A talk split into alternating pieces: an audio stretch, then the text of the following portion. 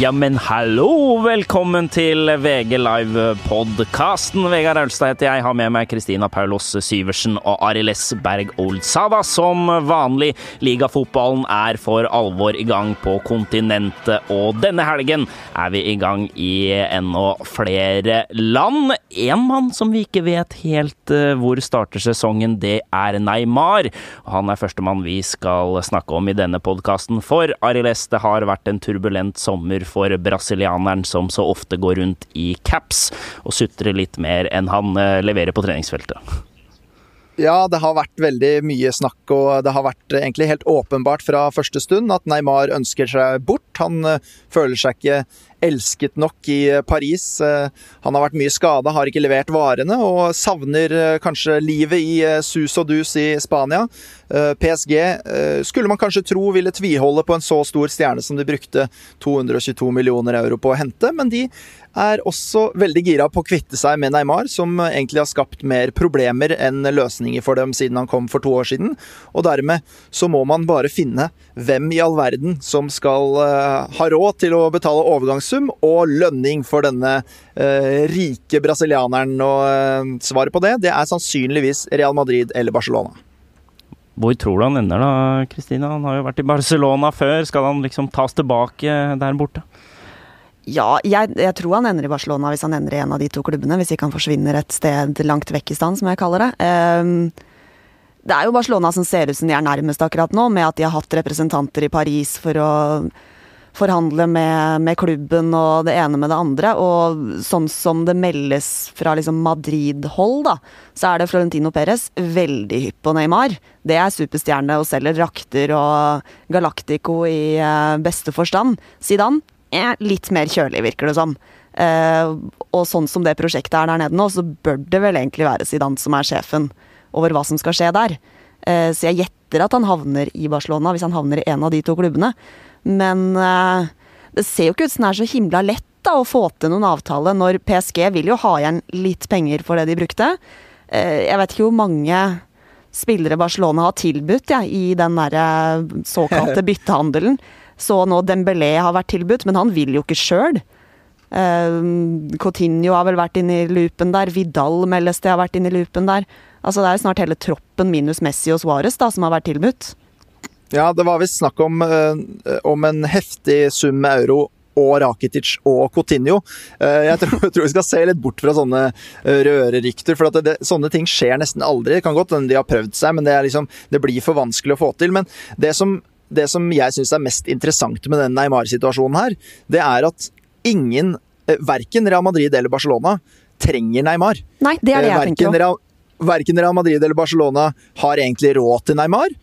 Men fordi det dukker opp en markedsmulighet da, med en av verdens største stjerner, og at Real Madrid er livredde for at Barcelona skal stikke av med en av verdens beste spillere, og Barcelona er livredde for at Real Madrid skal stikke av med en av verdens beste spillere, så er de på en måte Det, nest, det virker nesten som de er, uh, at de har lyst til å kjøpe spilleren mer fordi de vil unngå at han havner hos konkurrenten, enn at de faktisk trenger han selv. For Real Madrid de har jo kjøpt Azar den sommeren her, og det er ingen hemmelighet at Zinedine Zidane er kjempestor fan av Paul Pogba, som egentlig er den som han har lyst til å splæsje cash på, men der er ikke Florentino Perez visstnok like overbevist, i tillegg til at Ole Gunnar Solskjær ikke har lyst til å kvitte seg med Pogba, så det virker vanskeligere. Eh, men, og, og Barcelona har jo henta Grismann. Så skal de plutselig stable Grismann og Messi og Suárez og Dembélé og han eh, Coutinho eh, i et angrep. Det høres, jo, det høres, jo, ikke ut som noe sånn sportslig suksessoppskrift, da. Men, men så, så, har jo den muligheten dukka opp. Neymar vil bort, og da, da, er det bare de to klubbene som, som kan betale nok.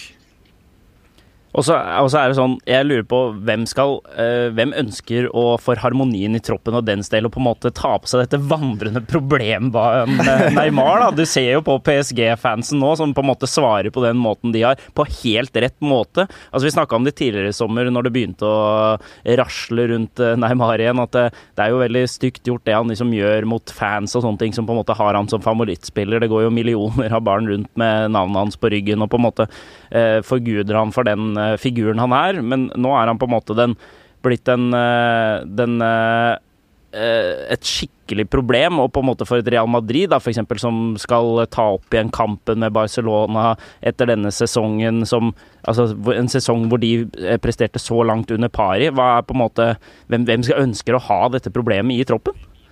Nei, han er, et, han er jo et uromoment og en uh, kaosskaper. Og det er nok kaos i Real Madrid uh, fra før, virker det som, den sommeren her. Det har vært en turbulent sommer for dem også. Elendige resultater i sesongoppkjøringen.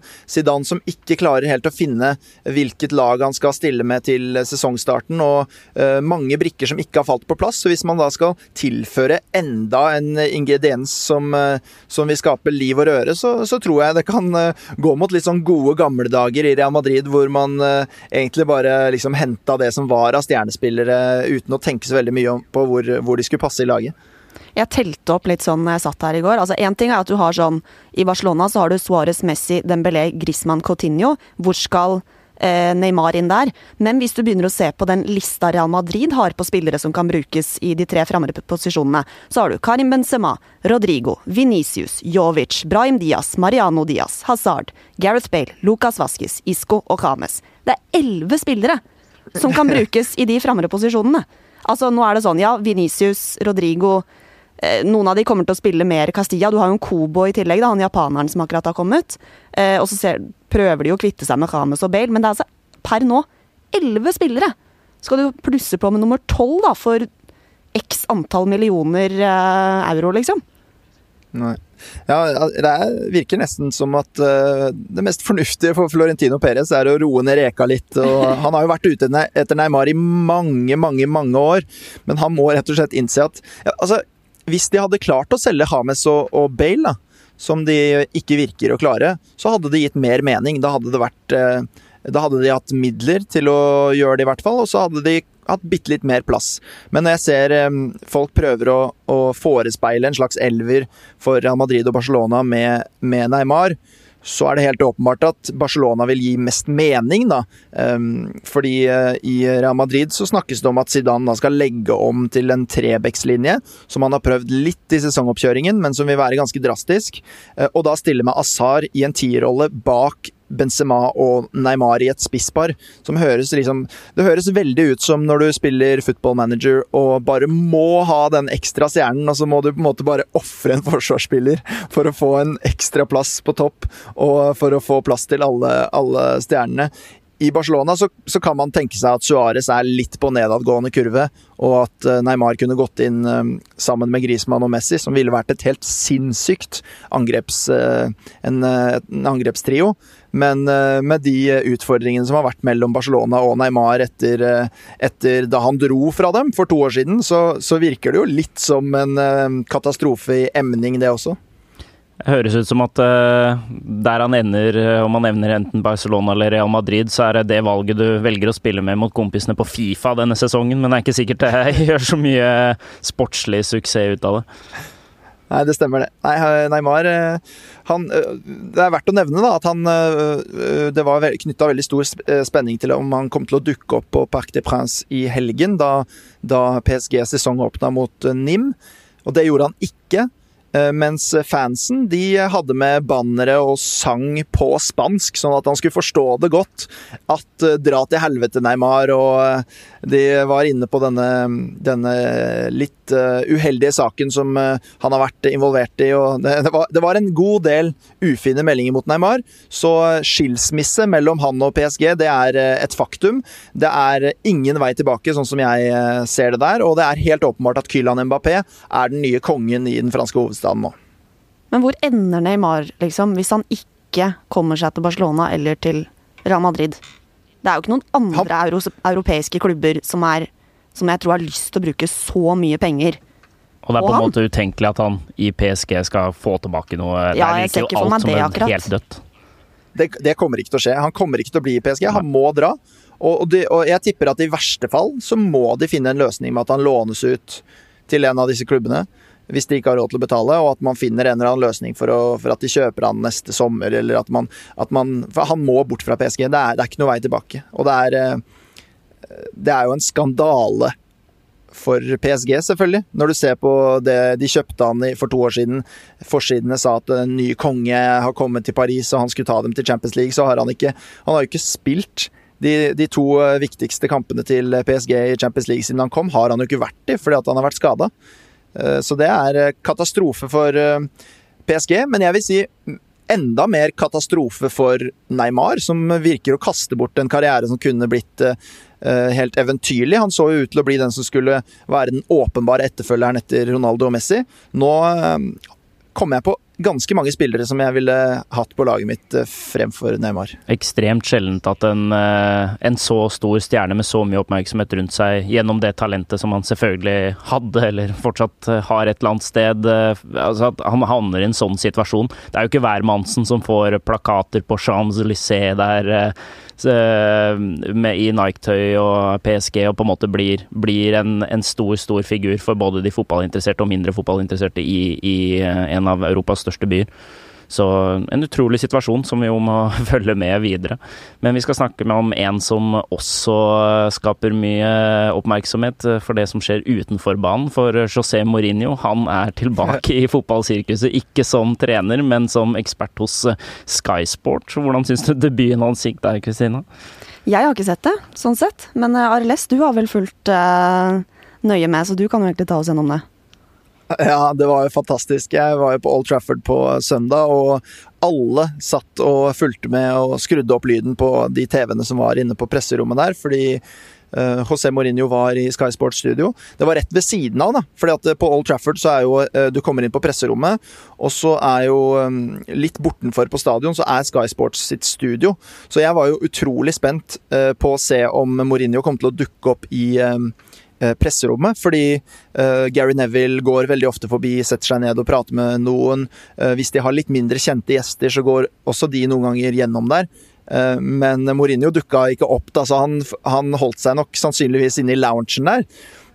Men jeg syns jo det vi så av Mourinho i studio der, var god, gammeldags Mourinho. Hvis jeg uh, kunne valgt én fotballekspert i et studio som jeg kunne bygd, og valgt hvem som helst i hele verden, så er Mourinho mitt soleklare førstevalg. Fordi han har altså en evne til å komme med punchlines og frekke stikk og uh, resonnementer og um, sånt som er helt unik. Jeg syns han er helt fantastisk å høre på.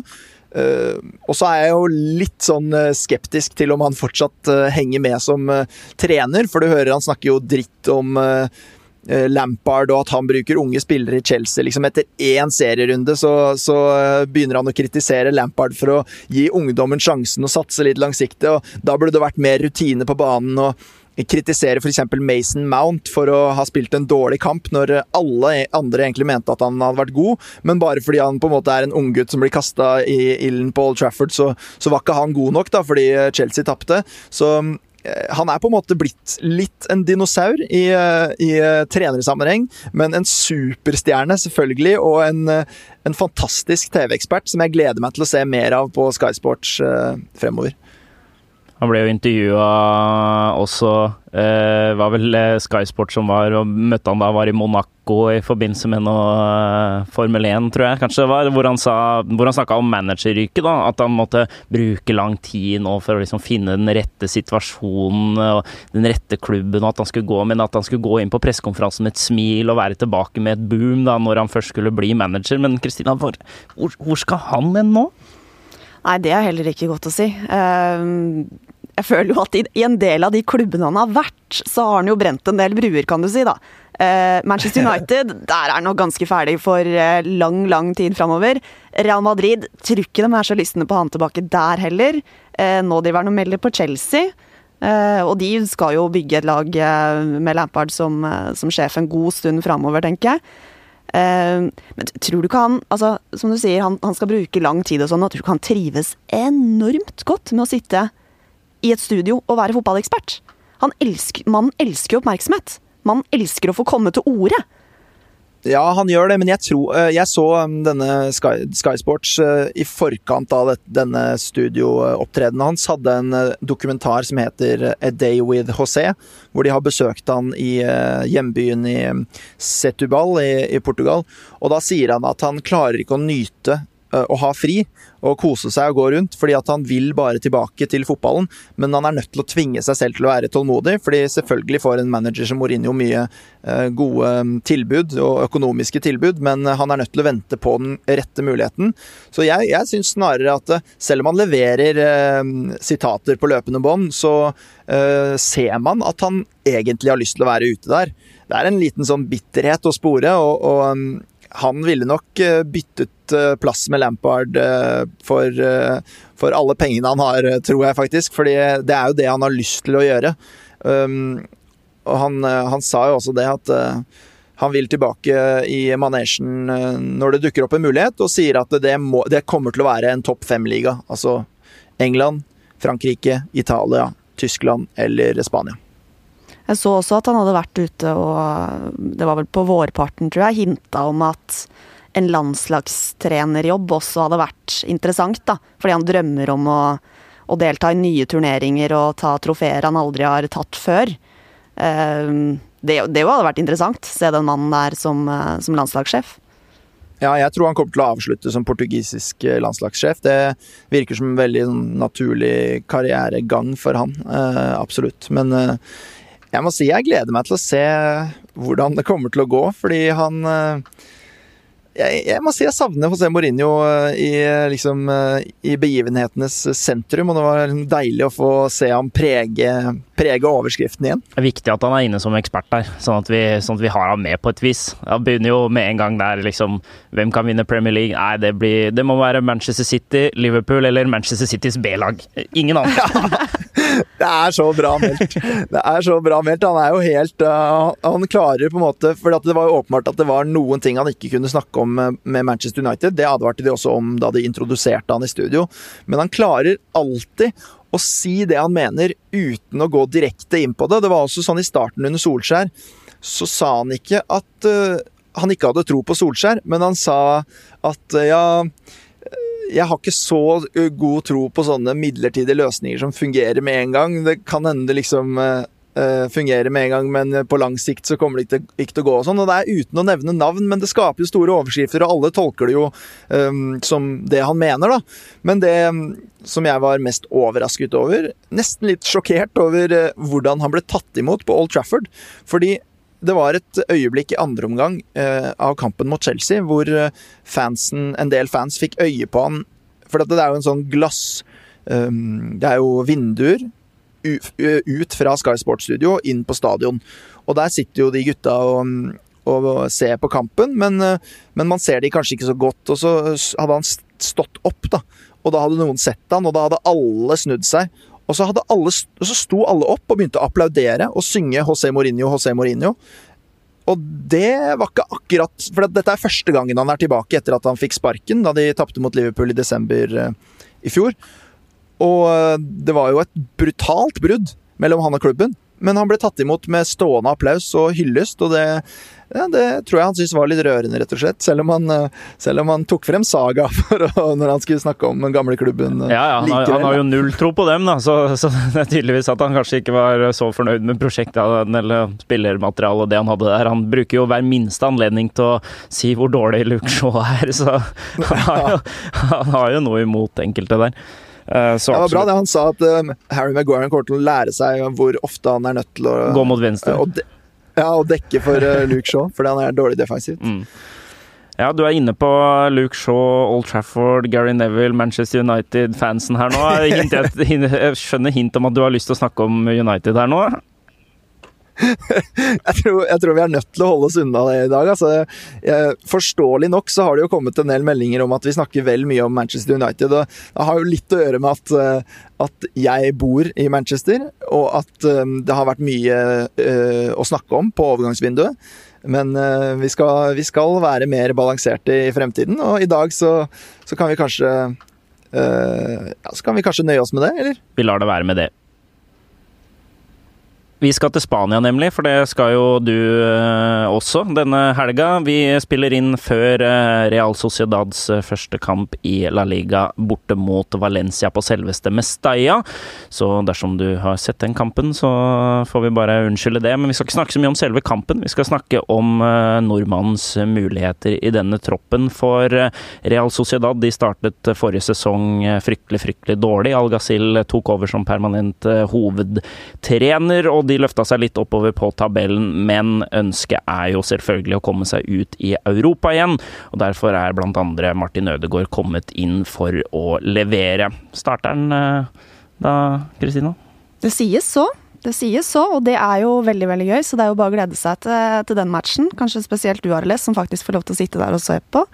Eh, vi andre får eh, smekke opp en stream fra Strive og kose oss med det, men det ser ut som at Martin Ødegaard starter på Mestalla mot Valencia i en tierrolle. Eh, det er i hvert fall det flere spanske medier eh, melder om, og når du ser på den svære oversikten som Ass har laget på alle La Liga-lagene, så står det formasjon, og da står Ødegaard i tieren bak William José, mellom Janusai og, Jarzabal. Så jeg gleder meg. Det, det, høres veldig riktig ut, det, Paulos. Altså, de fleste som hører på den poden, eh, har nok svaret allerede. Men eh, jeg husker vi var på Valens på Mestalla i eh, mars. Det var jo en solid opplevelse, Kristina, med det norske landslaget. En herlig stadion hvor det alltid er god stemning. Og jeg gleder meg selvfølgelig til å besøke den. Jeg husker veldig godt da vi var utpå der da, før Norge skulle ha trening, dagen før kamp. Så kommer Joshua King ut, på, på gressmata. Og da er jo stadion nærmest tom, da. Det er bare journalister og kanskje et par skuelystne eh, vanlige folk som satt der. Og Joshua King kommer ut på gressmata, kikker ordentlig rundt seg, og så sier han Dette er stadion, det! Ikke det greiene vi har borte i England. Han var ordentlig imponert over størrelsen på den stadion, og det er jo en mektig stadion. Den er jo ekstremt bratt, og jeg husker ikke kapasiteten, men eh, en del av de store stadionene i Spania har jo ganske stor kapasitet. Mm. En, eh, en, passende åpning på et nytt kapittel for Martin Ødegaard, som eh, forhåpentligvis da tar et steg inn i en ny eh, dimensjon. Jeg har snakka med folk som har fulgt sesongoppkjøringen tett. Han er jo den spilleren i Real Sociedad med flest minutter i sesongoppkjøringen, som taler om stor tillit hos sjefen. Folk sier at han er 100% bankers i startoppstillingen og kommer til å være det hele sesongen, med mindre, det, med mindre han underpresterer kraftig. Han har jo bare én assist på åtte mm, treningskamper hvor og, og, flest minutter i troppen, som på en måte på papiret ser litt skuffende ut. Forklaringen bak det, da, som de som har sett kampene uh, forteller om, er at uh, han har lagt opp til veldig veldig mange sjanser, men at uh, effektiviteten blant de andre ikke har vært på det høyeste. Så de forventer at det kommer til å normalisere seg i større grad i La Liga, og, og peker på fem-seks mål og fem-seks assist som en sånn um, et uh, fint mål for Ødegaard å ha da, i, i, sin første La Liga-sesong, som jeg syns høres uh, fornuftig ut. Uh, han har gjort et ekstremt godt inntrykk hos mediene der borte. Um, han, han, utfolder seg jo mer nå, Martin, som man merker når man intervjuer han også, at dette er en gutt som er tryggere på seg selv, som føler at han kan si Eh, det han mener i større grad enn det han gjorde tidligere, og som har mindre frykt for å på en måte bli tatt på noe, eller at skal bli, eh, ting skal bli dratt ut av sammenheng. Så eh, veldig fin utvikling på Martin, både sportslig og sosialt, selv om det meldes fra, fra San Sebastian at han tilbringer veldig mye tid med Alexander Isak, svensken som som eh, han spiller i angrep med, naturlig nok fordi de snakker samme språk osv. Og, så og at, eh, ja, at det lar litt vente på seg at han virkelig eh, blender seg inn i, i resten av troppen. Men han har jo, han har jo noen spanske gloser på lur etter å ha vært i Real Madrid, og han går eh, på intensive språkkurs nå, meldes det om. Så satser på at det også går i orden. Men jeg må si jeg har superstor tro på Martin Ødegaard i Real Sociedad. Det virker som en perfekt klubb. Eh, friske angrepsspillere ved siden av seg. En eh, offensivt retta trener. En klubb med fans som er fantastiske, og som kommer til å støtte dem hele sesongen. Jeg tror, jeg tror, det kommer til å bli veldig bra, og jeg gleder meg masse. Jeg kommer til å reise en del ned til Spania um, og, og følge med på hvordan det går med Martin. og, og um, det, det, kan vi prate mye om her, og det mm. håper jeg at uh, vi kommer til å ha nok å prate om her. Han får det nok fint eh, der nede i San Sebastian, som jo er en fin by. Og de starter jo med tre bortekamper eller noe sånt. Det er vel første hjemmekamp 15.9. mot Atletico Madrid, som da kommer for å besøke en Anueta-stadion som er uh, nyoppussa. Den har vært ganske umoderne en stund, så den uh, blir ordentlig, ordentlig fin til seriestarten der hjemme. Ja, bare å vente og se. Ødegaard Jeg har kommentert et par av matchene i preseason, så jeg fikk jo sett ham andre mot uh, Watford, hvor han var uh, kampens beste spiller i de 72 minuttene han spilte. Og da når du er inne på det og du sier at han bare har hatt én assist, så er ikke det alltid hans skyld. Det er også lagkameraten. Han hadde blant annet et gjennomspill til Oyar Sabal, uh, denne andre lekekameraten han kommer til å ha med seg i denne treeren bak José, hvor Oyar Sabal da ikke klarer å omsette den vakre pasningen i mål. Så det Jeg tror nok når han når når medspillerne skjønner åssen han tenker, så vil nok det der sitte enda mer presist, sånn at millimeteren er på rett side, og da blir det skåringer ut av det. Absolutt. Det, det, kommer til å bli bra, det her. Det føler jeg meg ganske sikker på. Rett og slett. Han har jo veldig, veldig mye bedre lagkamerater nå enn det han har hatt i tidligere sesonger. Det, og det kan han trenge. For jeg husker i Heerenveen blant annet, så hadde de jo de, jo de, andre der var jo vaksinerte mot å skåre mål, uh, så det ut som. Han hadde vel uh, sånn, Hvis du ser på sånn expected assist-greie, så burde han på en måte hatt sånn fem ganger så mange assist som det han satt igjen med. Så vi, vi, så jo at han ble bedre på det At tallene ble bedre forrige sesong, da, så vi får håpe at det, det går i samme retning. Og så, og så må folk være litt tålmodige, for det betyr altså én OK sesong i Real Sociedad betyr ikke at han uh, banker knallhardt på døra i Real Madrid. Det er uh, et annet univers, og folk må ha litt tålmodighet, men men med en, en forlenga kontrakt i Real Madrid og to års utlån til en, en klubb på øvre halvdel i, i, La Liga som satser på å spille i Europa. Det, er, det, høres ut som en ideell plan for Martin Ødegaard, som virkelig, virkelig begynner å, å, ligne på noe. Lars Lagerbäck sa jo også at han er ekstremt imponert over det han har sett i sesongoppkjøringa.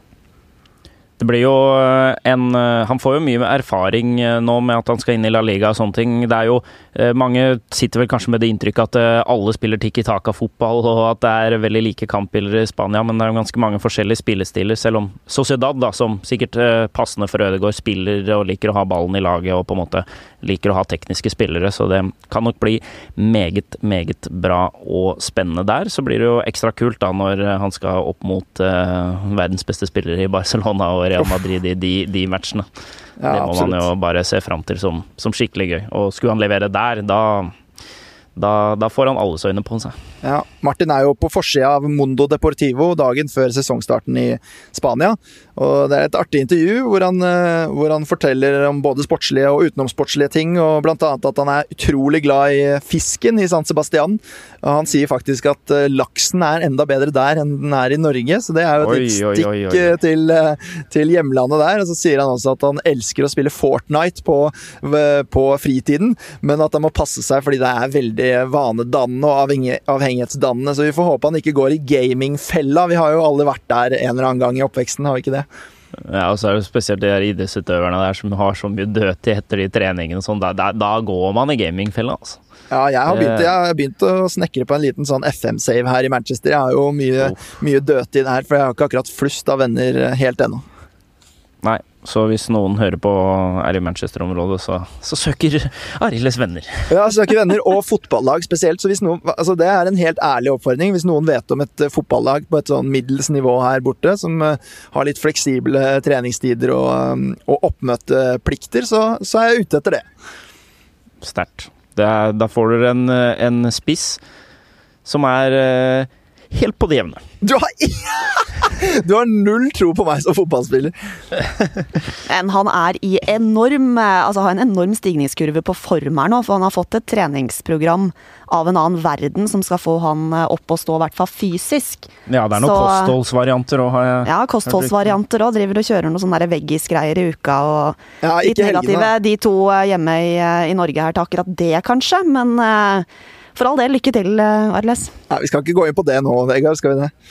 Nei. Avslutningsvis i denne podkasten så skal, vi, skal, jeg gi dere en liten, eh, ja, om ikke utfordring, så en spennende eh, tankegreie. Fordi um, det er jo mye transfersykter rundt Gareth Bale, Philip Coutinho og Hames Rodriguez som det ikke virker som om har umiddelbare plasser i sine lag. Så for å begynne med Bale, da. Hvor tror dere han spiller? til eh, når sesongen begynner. Eller ikke når sesongen begynner, men når transfersvinduet er over. Mm, han spiller i hvert fall Real Madrid når sesongen begynner. Mm, Eh. Nei, der er det vel enten Real Madrid eller eh, Kina. Jeg pønter litt og, og prøver meg på Bayern München, jeg. selv om de henta mm. Perisic, så er det på en måte De har jo mista både Ribberi og Robben, og, og har jo prøvd å hente Sané, så skada han seg, selv om når han ikke ville spille i Community Shield. Kanskje de går for en sånn, um, en sånn, en sånn nødløsning på Gareth Bale, så det er gøy å, gøy å prøve litt. Philip Coutinho Eh, PSG. som eh, en del av denne byttehandelen med Neymar. Ja, eller jeg tror, jeg tror på en måte at han må ut derfra, og eh, at nesten uavhengig av om Neymar kommer eller ikke, og PSG kan ha behov for en sånn type spiller. Så jeg tror Ja.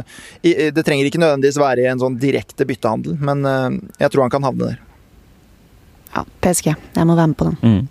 Da er sistemann Hames Rodriges, da, som etter VM i 2014 aldri har fått helt den uh, oppsvingen vi håper på.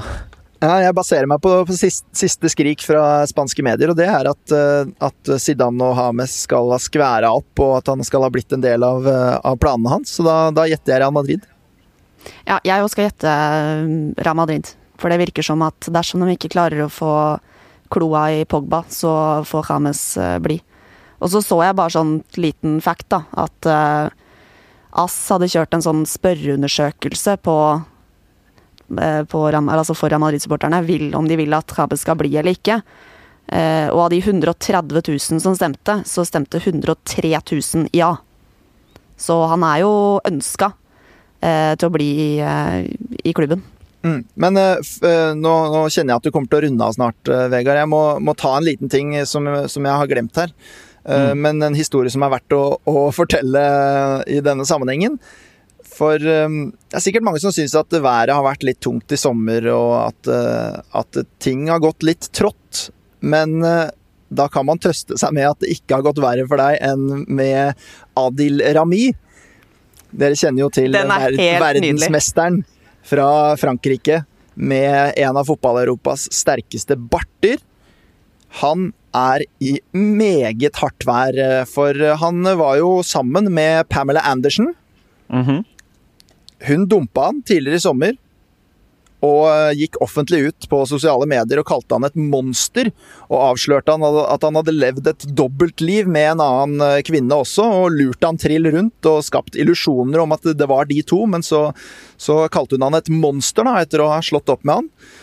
Så da fikk eh, Rami seg en på det ene kinnet, og eh, nå har eh, verdensmesteren fått sparken i Marseille. Grunnen til det, det er at han deltok på Fangene på fortet, når han egentlig skulle møtt på trening. Han deltok på Fort Boyard, som det heter i Frankrike, og drev med gjørmebryting, blant annet, istedenfor å komme på trening, og er nå ferdig i Marseille. Så folk det, det høres jo ut som eh, noe som kunne skjedd på 90-tallet, å være sammen med Pamela Andersen og være med på Fangene på fortet, men det skjer altså akkurat nå. Og, eh, og syns jeg var verdt å nevne i denne sammenhengen her. eh. Hva, hva syns du om sånn oppførsel, Vegard? Nei, det, det Jeg skulle til å si rett før du begynte på den historien at jeg ønsker Hames alt godt, for han ser så snill ut. Derimot Adir, han Rami ja, ja. Nei, det er altså Enten er du fotballspiller, da må du kanskje forsake litt andre eh, ting. Du skal jo ikke på en måte bli helt playboy her. Eh, Først blir du sammen med Pamela, og så hvis det stemmer det hun sier, da, som man vel kanskje må tro, at eh, han har holdt på, holdt på med flere, da Vet du hva? Rami, jeg vil ikke se deg på en fotballbane igjen. Du kan, du kan drive på med det Du kan rett og slett holde på med et annet liv, hvis det er det du ønsker. Da, jeg, vet, det, det, sånt må få konsekvenser. Altså Nei, skjerp deg. Men jeg, eh, jeg har et helt annet inntrykk av Adil Rami. Jeg møtte han, eller møtte og møtte, altså jeg intervjuet han i, under VM etter VM-finalen i Russland i fjor. Og da kom han inn i eh, pressesonen etter å ha feira i flere timer innen den franske garderoben. Ganske full, ikke bare brisen, men ganske full. Én øl i hver hånd. Og så han, steller han seg foran det franske pressekorpset, og så sier, sier han nå, nå skal jeg gi dere alt dere har lyst på. Kom igjen, kjør på. Og så han leverte altså noen sitater som er noe av det beste jeg har hørt noensinne. Og jeg fikk intervjua han alene også, nevnte at jeg var fra Norge, og da sa han sånn Ah, Norvège! John Carou! Ah, John Carou! Som man Ja. uttaler Jon Carew på, på fransk. Ja, ja. Da hadde han begynt å drikke og være glad, da. Så du, du, opp, du opplevde han kanskje på den beste situasjonen. Du vet jo aldri, da. Kanskje Pamela lager noen historier. Du vet, altså, det er lenge siden hun var på topp nå. Hun må jo bli i mediene hua på en måte, for å fortsette å tjene penga sine. Så jeg vet ikke om hun bare kjører på for, for egen vinnings skyld. Ja, det er mulig det, men det, det vi kan fastslå, da, uten uh, noen verdens tvil, det er at eh, Adil Rami han, eh, det, det, er, det er ingen som har fått så overtenning av å bli verdensmester som det Rami har fått. Og han spilte ikke et sekund i VM heller. Utrolig. Sånn er det. Men uh, vi takker for uh, podkasten i dag. Vi tenker jeg, Og så er vi tilbake om ikke så altfor lenge. Jeg tror det er under ei uke til uh, vi kjører i gang igjen. Eh, vi kan eh, takke for at eh, vi får spørsmål på Instagram-kontoen vår VG Livepod, som du gjerne må følge. Fordi eh, der har vi også begynt med TV-sendinger. Det kjører vi på med gjennom eh, fotballhelgene når det er noe eh, storoppgjør, eller som vanlig til 16-runden i Premier League, hvor vi også får med internasjonal fotball nå etter hvert. Det gleder vi oss til. Vi har et håp om å vise skåringer og det ene og det andre der. Vil du se livefotball, så sender vi jo Sam Polten mot Red Bull Salzburg med en glohet Erling Braut Haaland på topp som eh, den beste spilleren i den østerrikske ligaen så langt denne sesongen. Og så til iTunes, da, hvor du kanskje hører på denne podkasten. Der har vi fått noen veldig fine tilbakemeldinger nå, det må vi bare takke for. Og så hvis noen gir oss fem stjerner og sånn der, så er det den samme regla som alle andre podkaster kommer med på. Det er eh, veldig godt for eh, oss. Så vi takker for nå, ønsker deg en fortsatt fin fotballdag.